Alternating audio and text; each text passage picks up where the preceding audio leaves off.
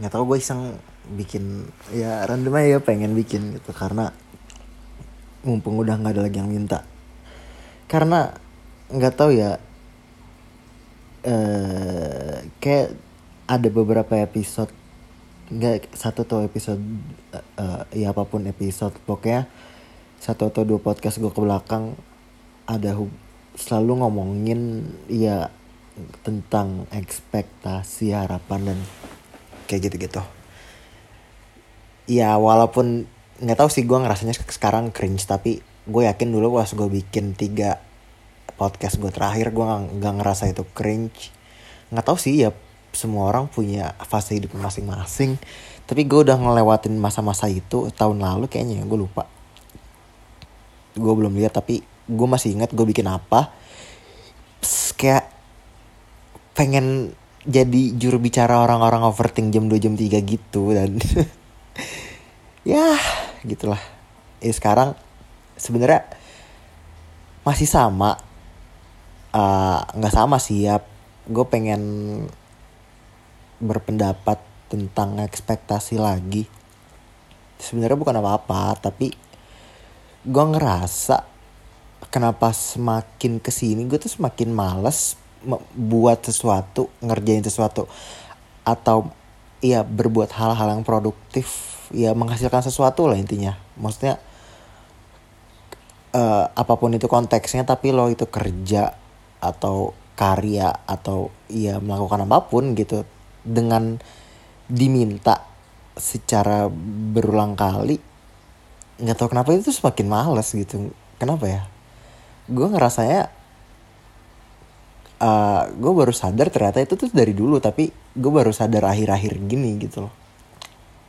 Karena gue dari dulu tuh nothing tulus. Maksudnya ketika gue belajar tanpa disuruh itu tuh rasanya nothing tulus. Ya gue nggak memenuhi ekspektasi orang lain. Dan ketika gue belajar nih kayak misalkan contoh gue fail di SBM terus fail di kelas. Di kelas ya gue pernah kayaknya terakhir berkali-kali pertama kali tuh kelas 7 gitu. Gue ya udah kayak anjing orang tua gue sangat expect gue begini gini gini. Tapi jadi pas kelas 7 tuh gue pernah fail. Jadi kan gue dulu SD di Al Azhar. SMP juga masuk Al Azhar. Dan pas di SMP gue tuh kelas 7 nya tuh kayak ada kelas unggulan sama kelas biasa kan. Yang kelas reguler. Dan masuk dan waktu kelas 7 awal-awal tuh lo tes dulu gitu dites dan gue dapet itu kelas unggulan. Dan lucunya tuh gue kan ada eh, anggaplah 200 300an gue lupa deh kan ada 7 gue dulu tuh 7E kelas unggulannya. Jadi A B C D E kan. Dan itu tuh berapa kelas ya? Gue lupa. Itu ada eh maksudnya ada berapa orang per kelas? Kayak 30 gue 30 yang lain 40 apa 30 semua? Ya anggaplah 30 semua berarti 100 eh enggak dong. 40 ya 40 gue absen 36 dulu. Pokoknya gue absen 30an dah. 40 kali 5 200 berarti 200 gue dulu tuh waktu pemeringkatan buat siapa nentuin yang unggulan gue tuh peringkat 8 bayangin. Gila gue merasa pinter banget anjing dulu. Eh, akhirnya padahal nem gue nggak gede-gede banget. Gue masih ingat nem gue itu SD 26,5 nggak nyampe 9 kan tapi 8,9an lah. Eh ya nem nem mediocre lah. Terus gue merasa pinter banget. Ya di ekspektasi gue juga oh gue ngerasa bisa gitu. Tapi dulu tuh gue nggak bisa aljabar. Goblok banget gue aljabar dulu kelas 7 Eh, pencapaian tertinggi gue tuh aljabar yang ketika penyebut kan ada pecahan bilangan aljabar tuh yang X. Nah itu kan kalau mau ngilangin X-nya kan di kali X per X kan. Itu dulu gue anjing apaan sih kayak gitu saking gobloknya gue. Dan ketika alja nilai, nilai ulangan pecahan aljabar gue tuh 7 gue seneng banget dulu. Dan akhirnya sampai tengah semester gue ranking terakhir itu eh, apa ya? Gue orangnya jarang nangis dulu. Maksudnya gue tuh nangis cuma karena nonton film dan itu karena gue pengen. Itu dari kelas 5 SD waktu itu film pertama pertama kali gue kecanduan nangis gara-gara nonton film adalah film Hachiko. Itu tahun 2009 apa 2010 gue lupa. Pokoknya dari kelas 5 SD apa kelas 6 gitu. Nah terus akhirnya uh, eh, gue nangis bukan gara-gara film tuh ketika gue tahu gue ranking terakhir. Karena di ekspektasi gue sendiri aja anjing gue dulu pinter banget ranking 8 gitu loh dari 200 orang 200-an orang. Terus orang tua gue tuh masuk gue eh tahu gue masuk dari apa kelas unggulan tuh juga expect gitu. Maksudnya expect lebih buat terus waktu orang tua gue ngasih tau gue ranking terakhir anjing gue nangis. Jadi itu gue fucking try hard buat uh, try hard ranking gitulah dan ya uh, sampai akhir tahun eh sampai akhir pengen naik ke kelas 8 itu tuh cuma ranking 20-an. Ya nggak cuma sih itu menurut gua ya lumayan lah. Ya ibaratnya nggak nggak tragis-tragis banget gitu. Terus lanjut gue pindah sekolah karena gue pindah rumah. Ya orang tua gue gak expect gue apa-apa tapi orang tua gue cuma uh, waktu itu masih sibuk kayak ngisi rumah gitu kan. Pindah rumah tuh nggak cuma ngurus rumah kan tapi interior dan apa yang ada dalam rumah. Dan orang tua tuh fokus ke sana dan gue nggak diurus akhirnya gue diurusnya ke tempat les. Jadi gue sekolah les. Dan itu tuh gue nggak di tempat les itu nggak apa ya nggak ada beban sama sekali gitu loh. Dan orang tua gue cuma nggak nyuruh belajar tapi orang tua gue nge-support gue dengan dulu uh, jadi tuh ceritanya gue belum bisa bawa mobil dan nyokap gue nggak bisa bawa mobil akhirnya dikasih supir. Ya udah gue dikasih fasilitas ya privilege buat gue sih. Uh, dulu ada supir apa ya nih jadi gue tiap hari pulang pergi disupirin. Uh, kalau pagi tuh karena macet islamik tolol emang. Uh, naik motor jantar sama itu uh, supir gue dulu gue juga belum boleh naik motor. Ini uh, kelas 8 awal. Gue baru bisa naik motor tuh kelas 9 dan itu juga uh, nyuri-nyuri. Uh, kelas 8 paginya naik motor diantar. Pulang jam 3 dijemput naik mobil. Uh, balik. Kalau enggak gue minta minta jemputnya jam 5 terus biasa tuh jam antara jam 3 sampai jam 5 gue main PS ada di, di situ dekat rental. Uh, kalau nggak main futsal ya apa pun lah. Pokoknya uh, jam 5 atau sekitaran jam 6 itu tuh gue les. Dan di, di les itu tuh gue bener kayak belajar tuh cuma ada namanya uh, guru les gue namanya kayak kak kayak kak ini uh, cuma bilang bukan cuma bilang sih cuma gue dia orangnya santai banget. Dulu tuh lagi hype COC sama kukiran kan ya udah kita main COC main kukiran. Gitu loh. Ngerti gak sih? Kayak gue dia gue nggak ngerasa dia guru les gue uh, ya kayak teman biasa aja tapi gue cuma ini riff dia ngasih soal gue disuruh ngerjain. Yang mana gue nggak ngerti dia ngasih tahu caranya. Dan itu tuh gue itu berhasil di gue gitu. Gue berhasil survive kelas 8 kelas 9 gara-gara itu. Ya walaupun survive-nya nggak bagus-bagus banget. Ya lagi-lagi uh, dulu tuh berapa mata pelajaran sih pokoknya rata-rata itu nggak nyampe 36 ya nggak nyampe 9 tapi 35,6an gitu kayak 8,9an lagi. Dan waktu itu TOMTK gue nggak pernah di bawah 9 gitu-gitu. Dari yang gue goblok banget aljabar sampai gue sampai gue sampai tempat les gue itu kehabisan soal karena gue tiap hari cuma gitu doang kak minta soal kak minta soal kak minta soal. Dan itu tuh bener-bener it was fun bro. Kerja gue gak tau kenapa ngerjain MTK itu seru ngerjain MTK fisika tapi fuck biologi. Gue dari dulu nggak ngerti biologi sampai gue SMA terus ya udah akhirnya karena akhirnya ya gue masuk semansa terus gue dari kelas 10 tuh udah di expect kayak orang tua gue tuh udah berharap. Oh ya dulu kenapa gue bisa ya bisa 9 gitu ya hampir 9 rata-ratanya. Dan menurut gue walaupun itu sebenarnya kalau ukuran anak semansa itu mediocre tapi menurut gue tuh udah ya lumayan bagus ya apresiasi diri sendiri. Aja sih. Uh, tapi kenapa gue bisa ngapresiasi diri gue uh, dengan name yang cemas gitu karena ya gue yang pertama uh, gue nggak banyak berharap di IPA-nya. Bahkan gue cuma expect diri gue tuh di 35 doang loh. Karena di 35an gitu. Dan emang bener 35,65 ya kalau 98,9 dan itu. Dan itu tuh karena gue goblok banget biologi dari dulu. Setryhard apa pun gue belajar biologi se, se ngerti ngertinya ya IPA gue tuh cuma 8 dan gue yakin fisika gue tuh cuma salah satu kan? Dulu tuh 40 soal IPA 20 20 fisika 20 biologi kan? Itu tuh biologi gue tuh pasti fakta panjir. Pasti salah 10 dan atau lebih gue gak ngerti. Dan itu tuh ya udah gitu. Dan orang tua gue kayak pas di tengah semester pas kelas 3 nya gue dimasukin kayak tes swasta gitu-gitu. Dan waktu PPDB juga uh, selain gue kalau nggak masuk semansa ya udah gue swasta gitu. Deh kayak nggak ada beban lah tapi emang birokrasinya yang rumit yang bikin ribet. Karena gue nomaden dari SD itu pindah-pindah jadi gue tuh baru tahu kalau ya domisili gue tuh Depok pas gue mau SMA kalau nggak ada sistem rayon-rayonan sampai gue kuliah kayaknya gue nggak tahu deh gue aslinya Depok. Uh, gitu.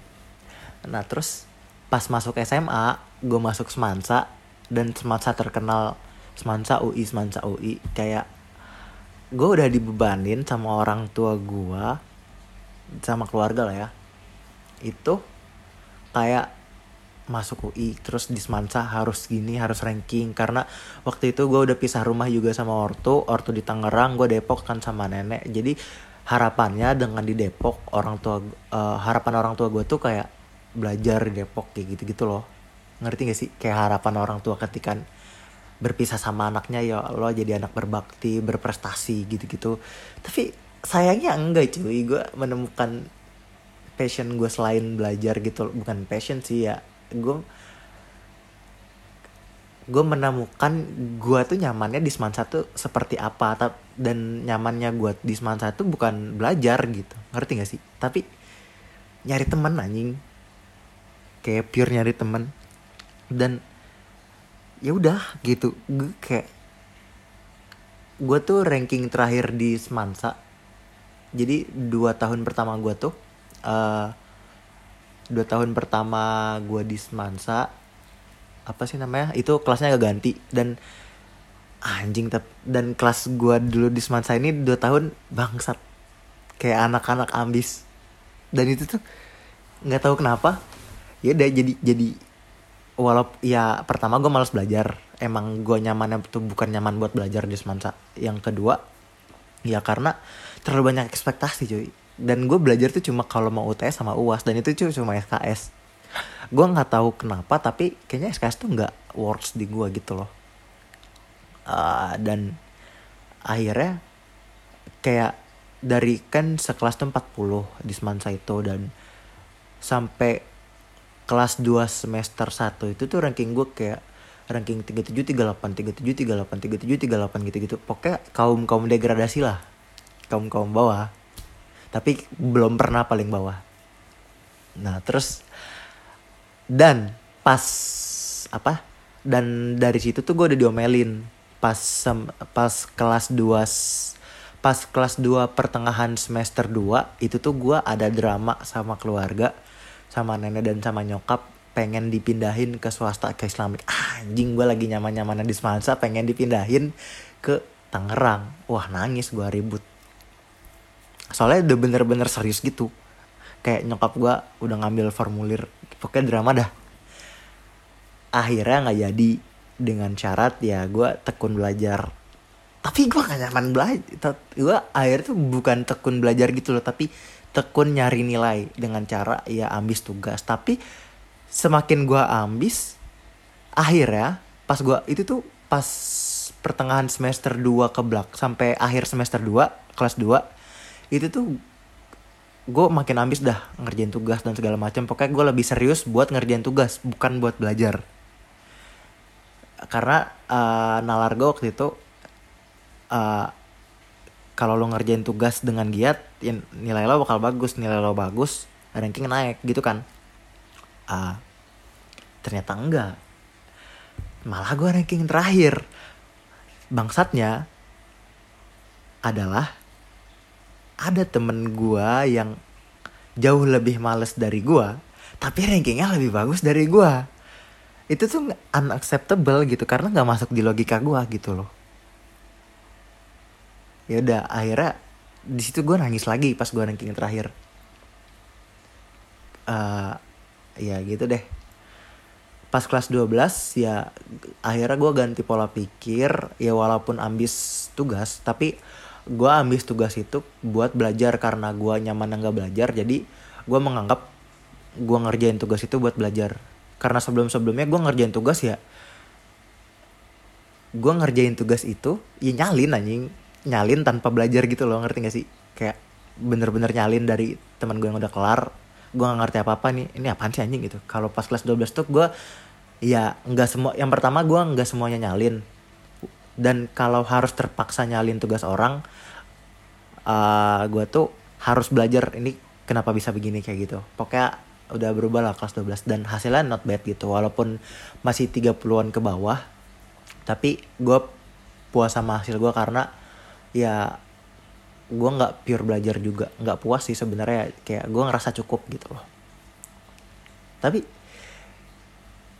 yang bikin gue apa ya gue nggak betah adalah ya ekspektasi orang tua gue gue buat masuk PTN tuh tinggi banget anjing.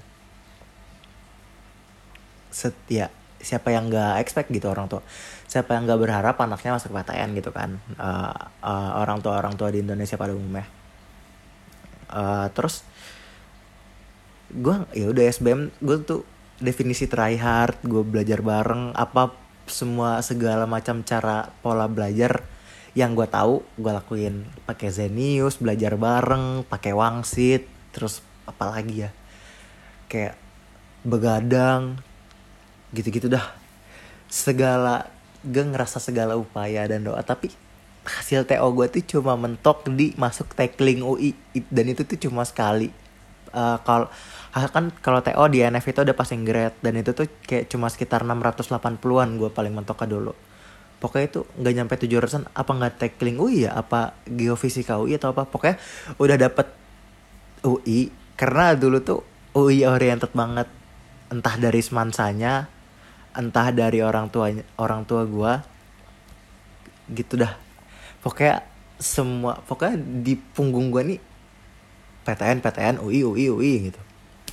Dan ya udah gitu. Akhirnya gue nyoba dan orang tua gue kayak nyuruh gue juga ya udah daftar aja semuanya. Dan akhirnya gue daftar stan dan daftar PNJ waktu itu GMF kalau yang nggak tahu GMF itu apa jadi PT GMF Aero Asia itu buka uh, sekolah ikatan dinas kerja sama sama PNJ jadi kayak sekolah politeknik gitu buat yang uh, kalau lo lulus di teknik mesin ini ya lo langsung kerja di PT GMF Aero Asia gitu.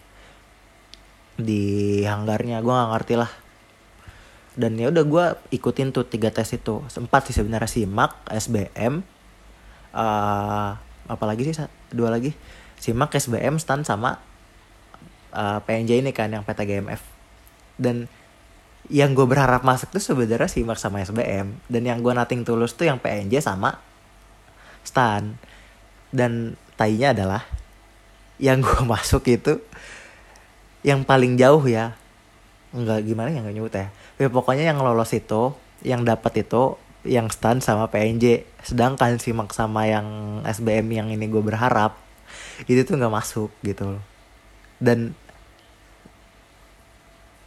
kayak anjing yang gue ekspektasiin tuh yang gue harap tuh nggak masuk gitu. Sedangkan yang gue nating tulus dan yang stan anjing gue benci banget sebenarnya sama stan dulu dan gue nggak tahu ended upnya di sini. Dan sampai sekarang tuh anjir kenapa? Gue masih wondering gitu loh. Maksudnya gimana kalau dulu gue nggak testan gitu gitu masih kayak what if what if moment gitu uh, terus sampai berpengaruh gitu. Ternyata itu tuh kayak gue nggak ngerti itu alam bawah sadar atau gimana mekanismenya. Mungkin anak-anak psikologi lebih tahu. Dan itu tuh sampai sekarang juga sampai gue kerja gitu gue atau gue kayak bikin podcast atau nulis gitu-gitu tuh. Jadi pas gue mulai nge-podcast gue mulai nge-blog itu kan dari SMA atau dari mulai awal kuliah.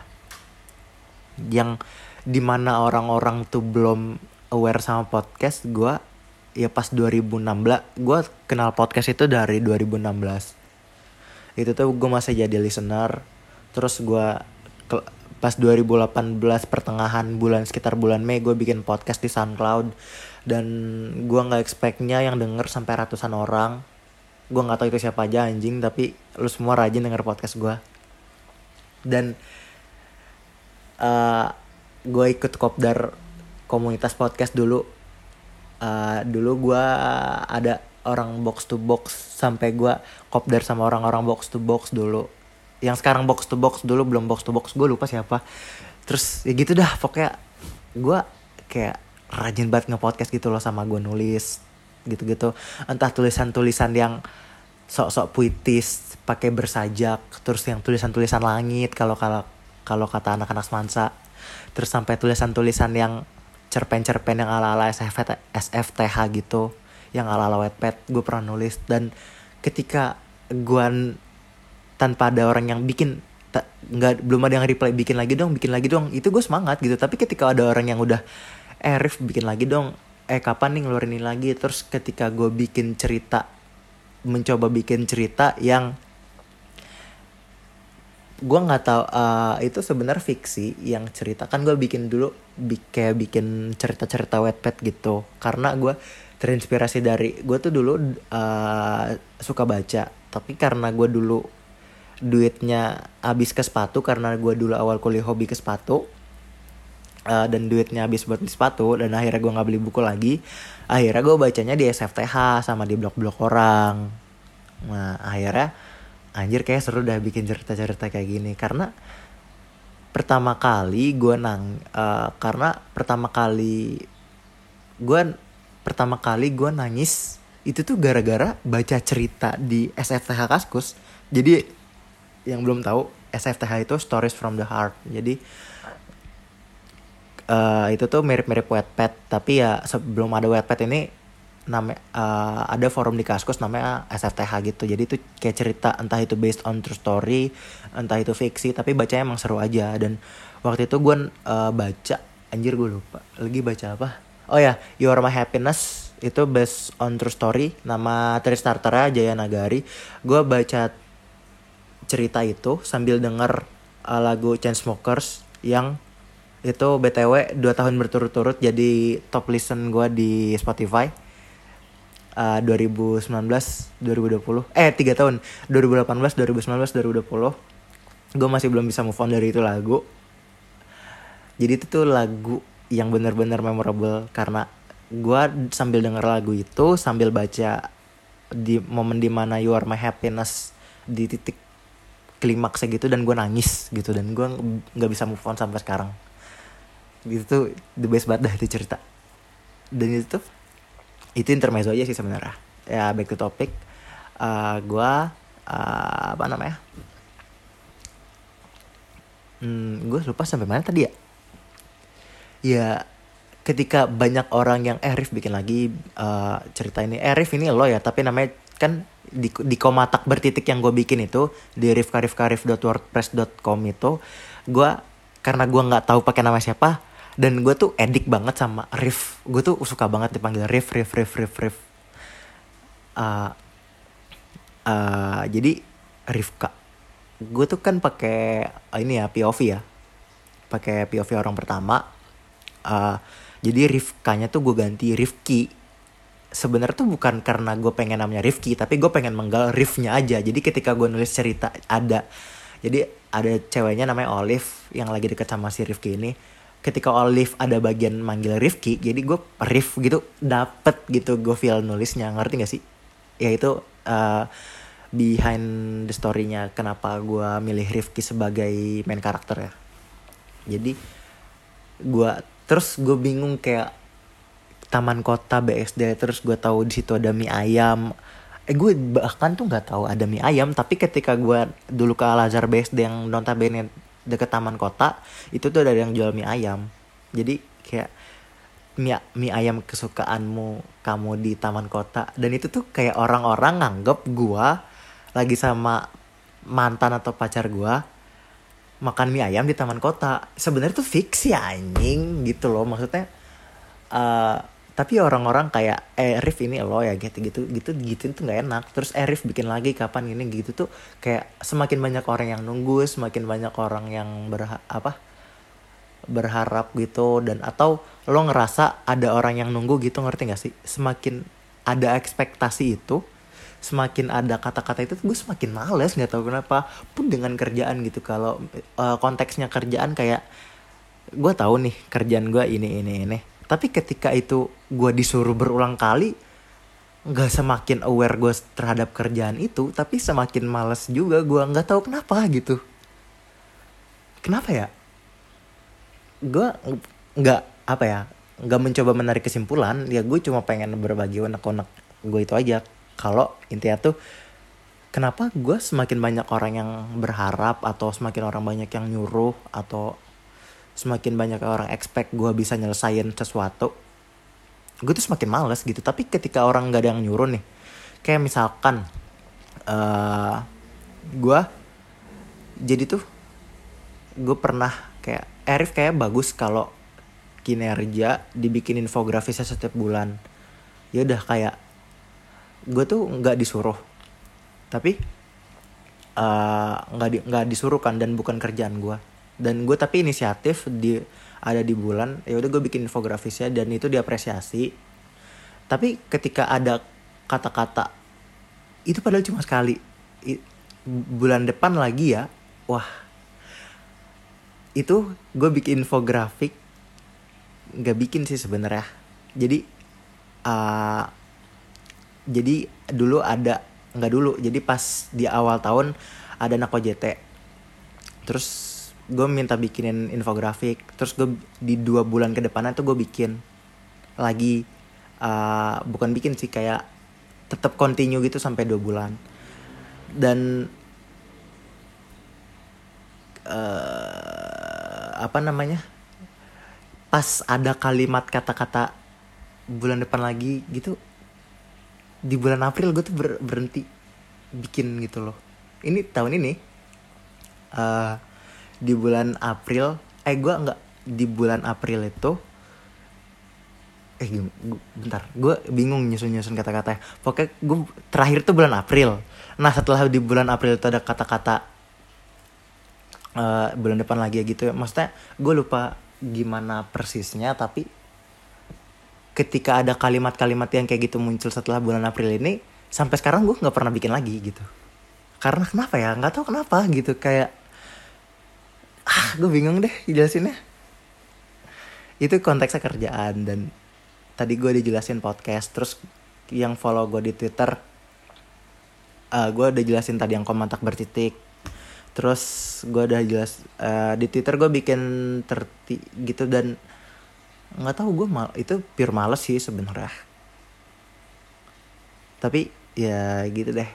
Ada satu yang nggak bisa gue ceritain kenapa ya 30 day apa pokoknya ada challenge lo nulis gitu. Jadi di 30 hari itu udah ada topiknya. Terus ada satu momen di mana gue nggak bisa lanjut.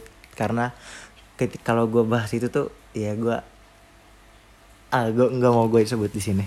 Karena ini bakal gue story di IG jadi ya gitu ya intinya gue nggak tahu kenapa semakin ke sini tuh ketika orang semakin nyuruh entah itu kerja atau maksudnya nyuruh itu dalam artian gue ngerasa kalau ini orang siapa pun orangnya entah itu bokap entah itu atasan entah itu temen yang bilang atau yang bilang ke gue atau yang nyuruh gue atau yang kayak eh Rif gini gini gini gini. Itu tuh semakin berulang kali orang ngomong kayak gitu tuh gue semakin males. Ya walaupun gue tahu mana yang wajib mana yang sebenarnya tuh yang nggak wajib buat gue gitu. Maksudnya kalau itu wajib ya gue tetap selesaiin gitu. Tapi kalau ada yang hal-hal yang sebenarnya nggak merugikan siapa pun dan itu nggak wajib kayak misalkan gue nulis cerita gue nulis blog gue ngepodcast kayak gini kenapa yang challenge di twitter gue itu nggak selesai? Belum selesai lebih tepatnya nggak tahu mungkin setahun lagi bisa selesainya. Karena ya kalau yang ngerti kalau eh buat yang nggak ngerti lo harusnya ngerti. Buat yang follow twitter dan yang kenal. Gue gimana ya nyebutnya? Yang bener-bener kenal sama gue lo harusnya ngerti kenapa gue di kenapa gue berhenti di topik ke 19 atau di hari ke 19 kalau yang kalau lo yang mau tahu lo harusnya tahu kenapa gue berhenti di hari ke 19 di pinned tweet gue gitu. Nah itu sih. Jadi itu aja. Dalam ya gue podcast lama gini? Udah berapa menit sih? Anjir setengah jam. Ya udah bayi saatnya tidur besok ada tugas. Luar. Lagi ya stay safe semuanya. Gue nggak tahu besok masih pp eh ini tanggal berapa sih? Ini tanggal 9 ya. Kalau aturan nasional harusnya tanggal 9 hari terakhir ya buat ppkm semoga ya entah itu diperpanjang apa enggak stay safe. Terus yang belum vaksin vaksin. Gue belum boleh vaksin karena gue nggak tahu sih belum boleh vaksin apa enggak karena belum tiga bulan dari gue covid. Ya yang bisa vaksin vaksin. Uh, secepatnya stay safe. Uh, makasih yang buat udah dengerin. Yang makasih buat anjir gue udah lama nggak ngomong uh, buat yang nggak tahu teman-teman gue yang nggak tahu gue di kantor tuh jarang ngomong. Jadi ketika gue disuruh ngomong panjang lebar kayak gini gue belibet kebanyakan mikir banyakan diem ya. Ya ini 31 menit kayaknya tuh dua eh 10 menitnya tuh cuma diem doang gitu. Ngomongnya tuh cuma 20 menit. Ya jadi sorry kalau yang denger ya rada terganggu. Gue nggak maksa lo semua buat dengerin anjing. Jadi ya makasih buat yang lo dengerin yang buat nggak dengerin gue nggak peduli. Bye